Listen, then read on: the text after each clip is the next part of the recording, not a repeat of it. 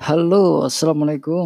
Bersama kembali lagi podcast Diari Dua Dosen bersama saya Galis Setiawan. Kali ini ya, masih sendiri karena masih dalam suasana work from home pada era pada masa pandemik saat ini dan semoga um, pandemik ini segera berakhir dan kita bisa beraktivitas seperti biasa. Walau begitu, di era pandemik ini saatnya kita membangun brand kita sendiri. Setelah kita bahas dalam tiga episode sebelumnya, yaitu uh, ada digital marketing, selanjutnya setelah paham digital marketing, kita lanjutkan bikin identitas brand, lalu uh, punya produk yang bisa kita pasarkan. Nah, selanjutnya langkah selanjutnya adalah kita uh, membangun yaitu brand awareness biar konsumen kita, calon pelanggan kita tahu siapa kita, brand kita bisa mereka ketahui dan apa usaha kita, apa yang kita tawarkan, jasa apa yang kita tawarkan, hmm, apa yang bisa kita lakukan, apa yang bisa kita bantu kepada calon customer tersebut. Nah, Uh, caranya brand awareness itu ada banyak. Sebenarnya hampir sama dengan cara mempromosikan produk juga ya. Tapi kita kita tekankan uh, menekankan brand kita biar unggul, biar dilihat oleh uh, calon customer. Yang pertama adalah caranya yaitu kembali lagi memanfaatkan influencer untuk meningkatkan brand awareness kita. Jadi kita bisa nge-hire influencer ini bisa perorangan atau bisa komunitas. Seperti kalau di Jogja yang paling terkenal kan ada info cegatan itu yang paling ramai itu ada info cegatan di mana-mana ada info cegatan. Nah, uh, influencer berbasis berbasis komunitas ini juga bagus Tentu saja sesuai dengan target market kita. Dia tentukan dulu influencer. Seperti yang dibahas sebelumnya, tapi kita sekarang bahasnya yaitu brand kita, membangun uh, brand awareness kita menggunakan influencer.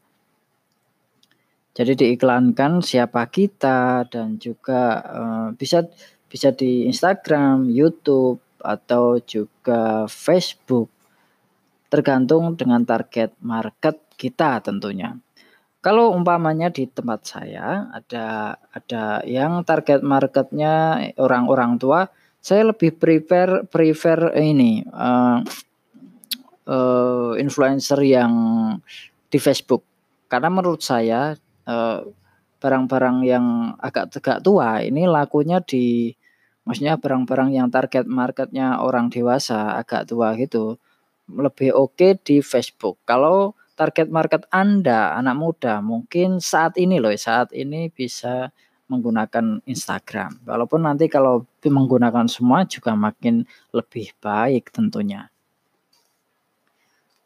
Selanjutnya setelah kita meng-hire influencer untuk mengenalkan brand kita, ada juga uh, memanfaatkan sosial media. Ya ya kita maintain terus bikin bikin uh, postingan-postingan setiap hari. Bahkan ada yang kalau di awal-awal itu malah lebih ekstrim lagi sehari bisa tiga kali. Ja, tapi dengan rentang waktu yang jangan terlalu dekat.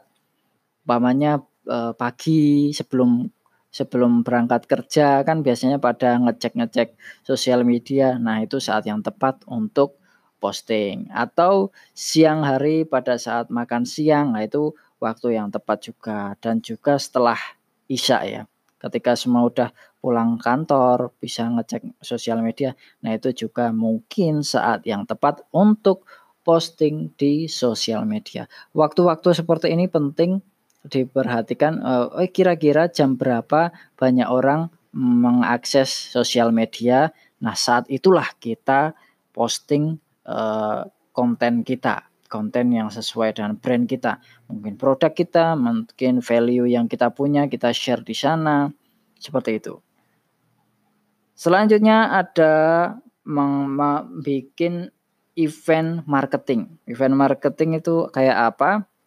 uh, bisa bisa kayak live gitu atau kalau di Instagram kan ada, ada fitur live di sana sering-sering live walaupun gak ada yang nonton pertama kalinya nggak masalah tapi kalau kita rutin pasti yakinlah uh, suatu saat pasti ada yang nonton dan tertarik ini sebenarnya siapa kenapa kenapa kok live terus pasti ada yang kepo satu dua tiga nanti dari sana kalau benar-benar live Anda bermanfaat tentunya brand Anda juga uh, naik karena kan Anda meng-share hal-hal yang bermanfaat.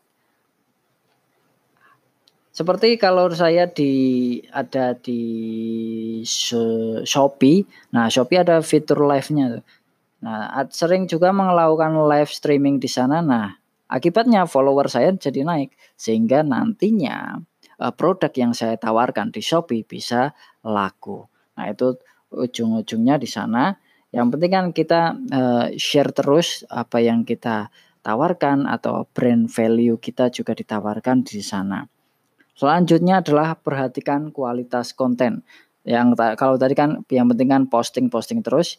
Selanjutnya adalah kita memperhatikan kualitas konten. Apakah konten ini relevan dengan brand kita? Apakah konten ini bermanfaat untuk orang lain? Atau info ini penting nggak buat orang lain? Hal-hal kayak gitu yang diperhatikan. Dan tentu saja kalau secara visual, kalau bisa memperhatikan warnanya, desainnya yang bagus seperti itu. Yang selanjutnya adalah menggunakan video. Nah, saatnya di era yang sekarang ini video karena kan video ini berbicara lebih banyak dari dari gambar. Kalau gambar kan cuman diam saja. Kalau video kan kita bisa melihat, membayangkan uh, sumbu X, Y dan Z-nya sehingga kalau kita menawarkan produk, produknya tuh bisa kelihatan dari samping, kanan, kiri, belakang dan kalau kameranya bergerak kan enak. Jadi paham betul oh produknya seperti ini, bentuknya kayak gini, uh, bisa di uh, preview di diperagakan cara menggunakannya seperti ini. Nah, video marketing pada era seperti ini, era yang udah internetnya udah cepat, jadi video marketing adalah yang penting juga. Umpamanya dari posting uh, produk atau barang jualan Anda atau jasa Anda, tawarkan melalui video. Biar mereka paham betul apa yang Anda tawarkan, uh, uh, apa namanya volume dari benda yang Anda tawarkan, atau kualitas dari benda yang Anda tawarkan bisa terlihat langsung melalui video. Oke, itu aja brand awareness untuk meningkatkan brand awareness. Kita ulangi lagi, yaitu yang pertama adalah menggunakan jasa influencer untuk meningkatkan brand awareness. Selanjutnya adalah posting terus di sosial media. Dan juga selanjutnya yang ketiga adalah mengadakan event marketing. Bisa live streaming setiap hari mungkin atau jam-jam tertentu, meng-share hal-hal yang yang bermanfaat atau promosi produk Anda seperti itu. Yang keempat adalah memperhatikan kualitas konten. Kontennya itu yang di-share yang baik-baik, yang yang relevan dengan brand kita, yang bermanfaat untuk orang lain. Selanjutnya adalah menggunakan video.